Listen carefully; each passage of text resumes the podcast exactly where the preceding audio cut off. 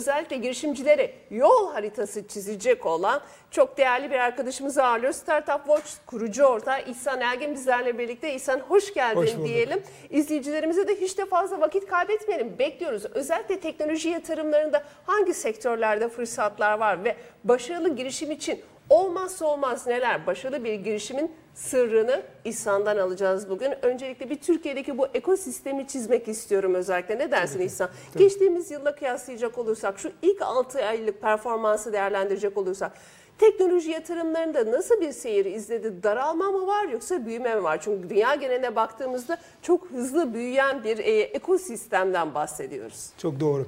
Esasında şimdi biz bu rakamları 2010 yılından beri hakimiz. Ee, 2010 yılından bugüne hızlı bir bakış atarsak 2010 yılında 19 milyon dolar yatırımla başladık biz girişimcilik ekosisteminde startup seviyesindeki yatırımlarda. 2017'de ciddi bir sıçrama gösterdik ve 111 milyon dolarlara geldik. Yani 19 milyon dolarlardan 111 milyon dolarlara geldik ve yaklaşık 170 tane startup fonlandı geçen sene.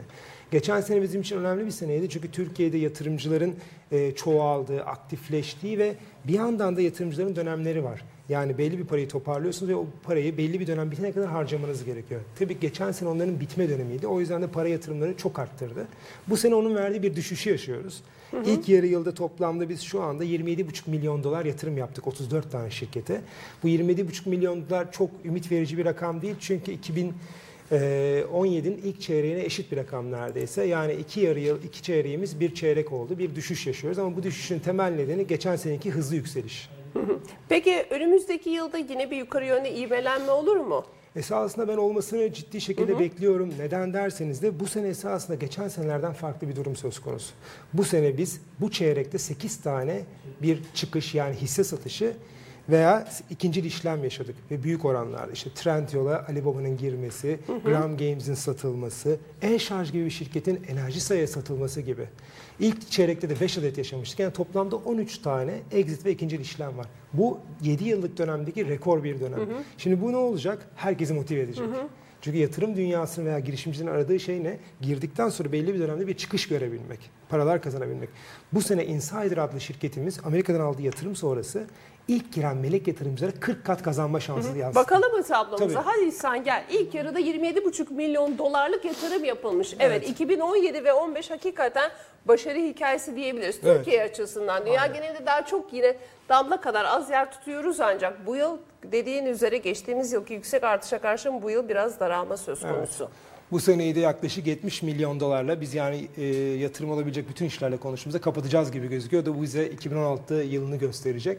Dönem dönem böyle dönemlerin yaşanması çok normal ama biraz önce söylediğim gibi bu sene yatırım alan girişimlerimizden bir tanesi yatırımcılarına 40 kat çıkış sağladı. Yani 100 liraya giren bir arkadaşımız bunun 40 katında 4000 liraya çıkış yaptı. Bu ne olacak? Herkesi motive edecek. Evet. Bu sene yatırımlar kötü gözüküyor ama çıkışta insanları motive edeceği için insanlar yatırım yapmaya Bu başlayacaklar. sizi heyecanlandırmadı mı? Bir dakika İhsan. Heyecanlandırmadı mı? Bekliyoruz sorularınızı. Özellikle 40 kat değil mi? Evet. Yatırımda geri dönüş sağladı yatırımcılar. Aynen, Hangi sektörler diye soracağız. Peki sizin de özellikle fikrim var sermayem yok ya da küçük bir sermaye ile bir işe başlamak istiyorum. Teknoloji yatırımına nasıl başarılı olurum diye soruyorsanız hadi bekliyoruz sorularınızı Business.com.'da. Çünkü bizde 15 dakika kaldı. Bitecek birazdan.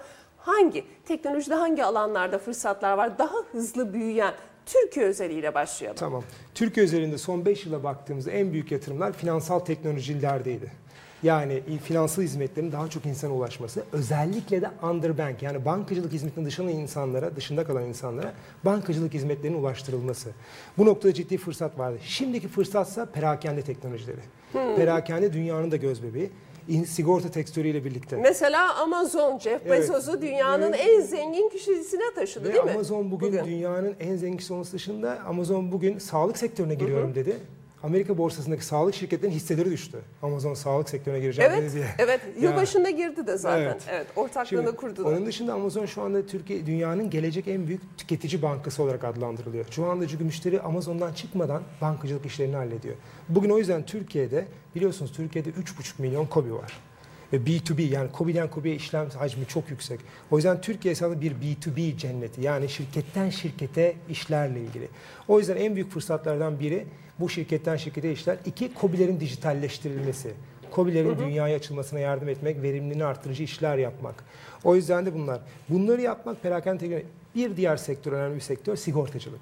Dünyanın en dinozor, yanlış anlaşılmasın ama çok popüler bir laftır bu, sektörü olarak bilinir sigortacılık. Anlatacaksın. Bir parantez Tabii. açalım mı? Sorular da geliyor. Tabii ki. Takipçilerimize hemen bekletmeyelim de Cumhur Bey der ki güçlü elektronik pazarına yabancı şirketlerin girmesi yerli şirketleri nasıl etkiler? Etkiler mi? Pozitif veya negatif yönde? Ee, Türkiye'ye yabancı şirketlerin girmesi, yerli şirketleri derken burada hangi seviyeden bahsettiğimiz çok önemli ama genelde Evet. pozitif etkiler.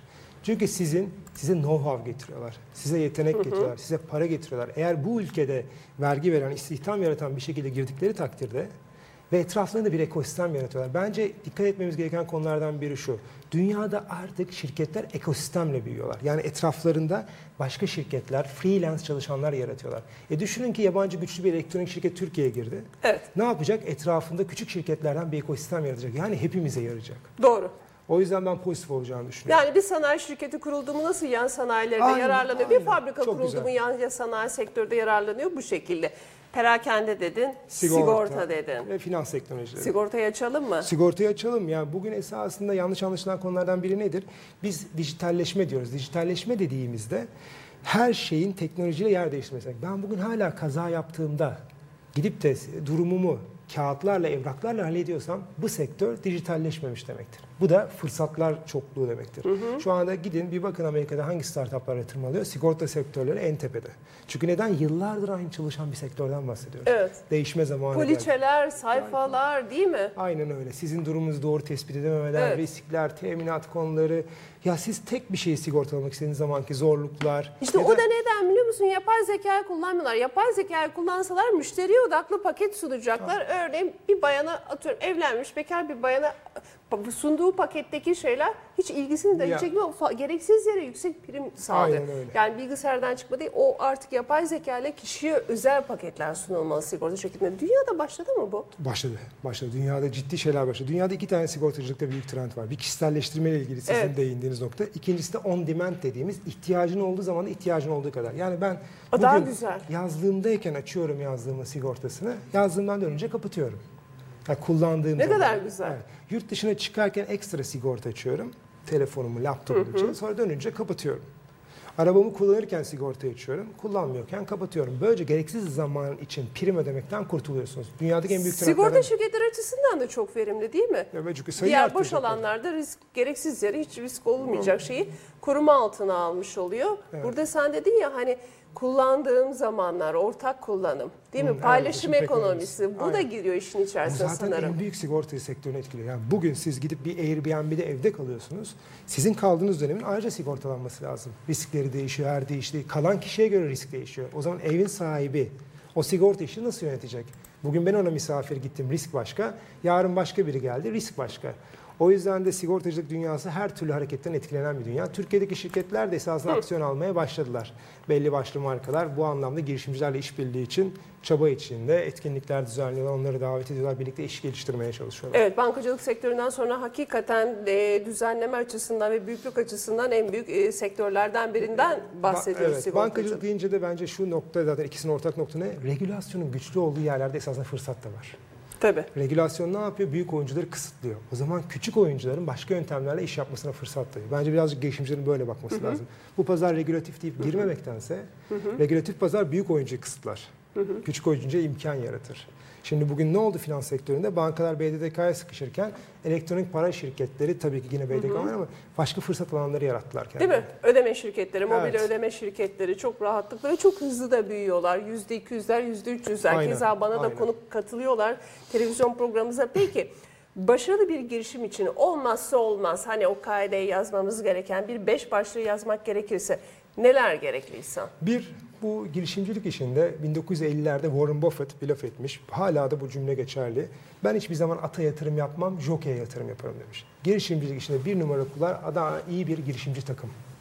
İyi bir girişimci takımında da en kritik nokta üçlü bir kombinasyon gerekiyor. Nedir bu kombinasyon? Bir, bu işin domaini bilen, yani pazarı bilen, o sektörü bilen birinin işin içinde olması şart. Doğru. İki, mühendislik. O işin mühendisliğinden bahsediyorum. Yani işiniz modaysa modanın mühendisliği. Yazılımsa yazılımcı. Üç, bir de ticari zeka. İşin içinde ticari zeka olması gerekiyor. O olmadığı takdirde sadece ürün geliştirme odaklı kalınıyor. Girişimci takım çok kritik ve girişimci takım bu işi hobi olarak değil, gerçekten full time ve 7-24 çalışılan zor bir iş olduğunu farkında olması lazım. İkinci kaide ürün değil iş geliştiriyoruz. Ne yazık ki girişimcilerimiz çok fazla mühendislik bakış açısında kalınca bir şeyleri product develop etmeye Ticaretleştiremiyorlar. Akademik gibi kalıyor değil mi? Arge departmanından bir ürün çıkıyor Evet. ve duruyor. Evet. Ama amacımız ürün değil ki. O ürünün etrafında karlı ve sürdürülebilir bir iş geliştirmek. O yüzden iş geliştirme bakış açısı en önemli konulardan bir tanesi. Diğeri de yatırımcı konusunda. Bizimkiler yatırımcı konusunda nedense Amerika'da bu biraz daha farklı işliyor. Seçilen modundalar. Esasında biz yatırımcıyı da seçmeliyiz. Kendimiz için doğru yatırımcıyı bulmalıyız. Yani akıllı paraya, akıllı yatırımcıdan özür dilerim, ucuz para bulmamız lazım. Bizim belki de e, özellikle girişimcilerin böyle bir lüksü yok. Şu an ekosistem o kadar dar ki, sığ ki hani yatırımcı, melek yatırımcıyı seçme lüksü yok. Hani bulduğun zaman seviniyor, adeta bayram yapıyor değil mi? Ama çok Bizimkiler sıkıntı biraz da- doğuruyor sonra ama. Evet, lokal düşünülüyor değil mi bizde? Bir yere getireyim sonra satayım. Niye Bir sonraki evet değinmek isteyeceğim konuya siz değinmiş oldunuz. Esasında bir diğeri de bu. Biz biraz küçük düşünüyoruz. Bunu zorundaymışız gibi geliyor. Küçük düşünmekle küçük başlamayı aynı şey zannediyoruz. Esasında biz global düşünmeliyiz. En azından bölgesel düşünmeliyiz. Tamam Türkiye'den, İstanbul'dan başlayabilirsiniz. Ama hızlı davranmalı bir global. Bu global düşünmekte şöyle anlaşılıyor. Ya ben Amerika'da ürünümü satmak istiyorum. O değil. Yaptığınız ürünün uluslararası olması. Her taraf açısından kullanılabilir Evet. ürünü hayal etmek. Yoksa Amerika'da ofis kurmaktan bahsetmiyoruz. Evet, evet çok güzel. Peki şimdi özellikle dedik e, yapılması gerekenler hangi sektörlerde? Dedim bankacılık sektöründe, perakendede, Evet. öncelikle perakendede, bankacılıkta, Kesinlikle. sigorta şirketlerinde. Bir de şu cepheden bakalım. Üniversite öğrencisiyim, çok değerli bir fikrim var ancak sermayem yok. Bu noktada ne yapacağım? Üniversite öğrencisiyiz veya fazla sermayem yok. Daha henüz iş hayatına fazla da atılmamışım. Türkiye'de genellikle iş hayatına atılıp bir 5-10 yıl çalıştıktan sonra belli bir sermaye topladıktan sonra girenlerin sayısı da yüksek, azımsanmayacak kadar. Ancak çok genç, çok değerli bir fikri var. Ticari hayata da uygulanabilirliği yüksek. Bir, ürünüm e, ticari hayatta feasible mı? Yani e, kaç yılda geri dönüşü olabilir? İkincisi, sermayem yoksa nasıl hareket edeceğim? Tamam. Esasında iki tane önemli noktaya değinmiş oldunuz. Bir, girişimcilikteki en büyük marifet, girişimcilik bir kas işi, bir iş yapma biçimi. Bu nedir? Esasında aşırı belirsizlikte bir şeyi ticarileştirmek. En büyük marifetimiz ne? İş fikri bir varsayımlardan oluşan hipotezdir. Onları ispatlamak. Bugün siz bazı şeyleri ispatlamadan direkt yatırımcıya gitmeniz doğru değil. Şu andaki sistemde, ekosistemde en doğru nokta önce inkübasyonlara gitmek. Oralarda belli şekilde fikrinizi test edebilmek. Onları, o aşamaları geçtikten sonra yatırımcıya gitmek. Bugün ne yazık ki girişimcilerin dakika bir aklında bir fikir var hemen bir yatırımcıya gidiyorlar. Önce kendi üzerimize düşeni yapmalıyız. Ya bu benim fikrim. Gerçekte pazarda bir karşılığı var mı? Gerçekten bir müşterisi var mı? Hep ne üreteceğiz diye odaklılar. Neden üreteceğiz? Bunu yaptıkları anda şu anda Türkiye'de eskisi gibi değil. Eskiden biz 2010 yılında 2-3 tane inkübasyondan hızlandırma programından Evet. bahsediyorduk. Bugün 50'den fazla. Biz 2010'da elimizle saysak 50 tane melek yatırımcı sayardık. Bugün bin küsür tane sayabiliyoruz melek yatırımcı. Şu anda 10 taneden fazla melek Nerede yatırımcı- ulaşabilirler? Bir ekosistem, bir ağ var mı melek yatırımcılara ulaşabilecek? Ya- Nasıl biz özellikle girişimciyle yatırımcıyı nasıl bir noktada melek Esasında- yatırımcıyı birleştir... Tabii. Start, ya bizim bu startups.watch'ta bir blog sayfası var. Hemen açıp herkesin ücretsiz okuyabildiği. Startup Watch. Startups.watch'ta. Ve burada bütün oyuncuların isimleri var. İnkübasyonların listesi, melek yatırım ağlarının listesi, melek yatırım ağların web siteleri var. Onlara yazıyorsunuz. Onlar size dönüyor. İnkübasyonların web sitesinde başvuru tarihleri var. Onlara başvuruyorsunuz. Her şehirde var artık. Ee, devletimiz bunu zorunlu tuttu üniversiteler zaten. Şu anda Türkiye'deki büyük üniversitelerin hepsinin inkübasyonu, teknoloji transfer ofisi var. Okulunuzda hemen ona başvurabilirsiniz. Onun dışında okulunuzun dışında bir iş yapmak istiyorsanız melek yatırım ağlarına gidebilirsiniz. Özel inkübasyonlara gidebilirsiniz. Şu anda startups.watch'tan bulabilirsiniz. Ee, Türkiye'nin e, en çok bu konularda bazı yazılar yazan kanalları var. Onlara da ulaşabilirler. Oradan bulabilirler. Eğer belli dikeylerdeyseniz onunla mesela fintech konusu düşünüyorsanız finansal teknoloji fintechistanbul.org diye bir yine non-profit bir yapı var. Oraya girip oradan da bütün listeyi görebilirsiniz. Çok kısa bir araştırma. Yani eskisi kadar bahanemiz yok. Bunu söylemekte çok rahatım. Yani dün e, sizin yine başka bir yayınınızda Ali Karabey arkadaşım, yatırımcı arkadaşım konuştu. Türkiye'de yatırımda aşırı sıkıntı yok dedi. Eski dönemlere göre cidden e, paralar arttı. Şimdi kamunun fonların fonu yapısı da devreye girdi. Şimdi TÜBİTAK yeni bir fon açıklıyor. Üniversitelere fonların fonu parası veriyor. Evet. Önemli olan global düşünen, bu işi cidden yapmak isteyen iyi girişimci arkadaşlarımıza ihtiyacımız var. Girişkenlerden daha çok. Ekip olması önemli değil mi? Tek Evet. değil ancak ekip başlaması lazım. Bir kısmı satış Evet. pazarlamayı, bir kısmı bir e, Yani- mühendislik kısmını bilecek, bir kısım da satış pazarlama. Yani orada da özellikle bir rapor okumuştum. Dünya genelinde de bu girişimciliklerde hani ortaklık kurması. Sonradan tabii tek görüyoruz ama genelde başarı sırrında hep ortak başlıyorlar. Belki sonra ayrılabiliyorlar. Tek ilerliyor ama ilk etapta ortak ekip başlamak çok daha e, avantajlı. Bence şu anki konuşmamızdaki en önemli vurgulardan biri bu. Neden diyeceksiniz? Esasında girişimcilik kesinlikle one man show değil. Yani bir adamın bir şovu değil. Biz ön yüzde bir kişiyi görüyor olabiliriz. Ama şu anda Türkiye'de çok başarılı exitleri düşünelim, popüler. Gitti gidiyor işte eBay'e satıldı. Yemek sepeti, marka Foni bunların hepsi üç ortak minimum. Biz ama önde birini görüyor olabilir. O ekibin sözcüsü. o o yüzden sözcüsü. arkadaşlarımız onun farkına varması lazım. Arkada ortaklık var. Ama tek sıkıntımız ne? Ülkemiz ne yazık ki topraklarımız ortaklık kültürünü pek alışık olan, seven bir kültür değil. O yüzden ortaklık işbirliği inanılmaz kritik. Yani arkadaşım yanımda diye onu şirkete ortak yapmak, bu benim kardeşim diye, bu benim akrabam diye, kuzenim diye ortak yapmak bugün bizim için en büyük sıkıntılardan bir tanesi. Burada e, çünkü iş yapıyorsunuz çok profesyonel davranacaksınız. Böyle akraba değil. Önemli olan herkesin niteliğine göre pozisyonlanması. Burada sürdürülebilirliği de sağlamak gerekir. Ben şunu görüyorum işte diğer bir noktada dedim ya global düşünmeleri lazım. Bir oyun şirketimiz e, isim vermeyeyim büyüdü, satıldı ve aynı zamanda bir teknoloji yatırım, bir startup'ın Türkiye tarihinde en yüksek satışını gerçekleştirdi. Şunu düşündüm ancak genel itibariyle baktığımızda dünyaya açıldığımızda hakikaten 10 ila 15 yıl gibi bir süreçte 50-100 milyar dolarlara ulaşan devasa şirketler var. E daha çok azdı aslında. O bir gölde sadece damlaydı. Neden biz onu büyütüp global bir marka yapamadık? Bu burada neler eksikti? Mentorluk mu eksikti ya da büyük fon mu eksikti? Ee, Türkiye'de girişimcilik ekosisteminde yani geleneksel olmayan teknoloji veya yenilik bazlı girişimcilikte büyüme fonlarında eksikliğimiz var. Aşağı seviyede işler okey, melek yatırımcılık seviyesi, erken seviye girişim sermayesi ama bir üstüne çıktığınızda sıkıntınız var. Bu sıkıntıyı ancak nasıl çözebilirsiniz? Yurt dışından yatırımlar alarak. Bu yurt dışından yatırım alma konusunda herkes o kadar şanslı değil. E neden değil? Çünkü ülkeye kapalı işlere yatırım yapmak istemiyorlar. Global açık işler olması lazım. Bu durumda bizim girişimcilerimiz nelere dönük kalıyor? Daha çok kurumsal yatırımlara. E bir kurumsal yatırımcı size geldiği zaman bu iş satın almaya doğru meyilleniyor. Esasında bu her zaman e, bir maraton gibi ve buna soluk lazım. Bu soluğu da size 2-3 tane soluk olabiliyor. Kamunun da desteği ciddi önemli burada. Şimdi siz bugün bakıyorsunuz Ali Baba aldı başına gidiyor. Nasıl çıktı dev oldu bir anda ama Çin hükümeti arkasında. Destekledi. Ya ciddi şekilde yani bunu insanlar orasını göremeyebiliyor bazen. Amerika'da da aynı şekilde Ay, tabii zaten. ki, Amerika'daki ki. pazarlama çok ayrı bir devasal. Yani bir ürünü öyle bir parlatıyor ki global bir marka haline getiriyor ama o için içeriğini de doldurmak lazım. Aynen bizim şansımız ve şanssızlığımız şu. Ülkemizdeki nüfus 70-80 milyon nüfusumuz var. Bunun %50'si 30 yaşın altında. Bu bizim girişimcileri kısıtlı düşünme iten burası esasında. O kadar büyük bir pazar gibi geliyor ama esasında o büyük işler için yeterli bir pazar değil. Yani Amerika'da neden oluyor? Çünkü dev bir pazardan bahsediyoruz. O yüzden Türkiye iyi bir test bed. Yani işinizi test edeceğiniz bir fırsat. Test edip hemen kafayı dışarı çevirdiğiniz takdirde.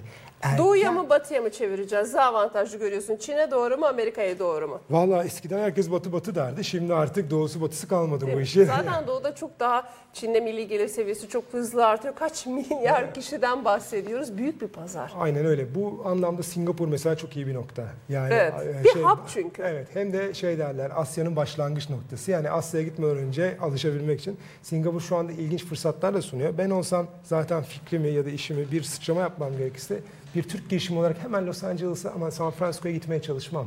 Çünkü o kadar bir sürü insan var ki o kadar kalabalık ki oradan sıyrılmak çok daha zor. Daha kolay sıyrılacağınız yerlere gitmeniz lazım. Yani bu bir strateji meselesi ama ben öncelikle Avrupa'da hareketlerimi denemeye çalışırım. İşte Londra'sı var, bunun Berlin'i var. Bir de Singapur. Benim için konsantrasyon bu üç yer olur. Çok çok teşekkür Ben ediyorum. teşekkür. Ağzına emeğine sağlık diyorum. Startup Swatch kurucu ortağı bugün İhsan Ergin bizlerle birlikteydi. Yayınımızın tekrarını yeniden gün içerisinde YouTube'da izleyebilirsiniz. Perşembe günü aynı saatte farklı konu ve konuklarımızla sizlerle birlikte oluncaya dek hoşçakalın. Teşekkür, Teşekkür ederim. ederim.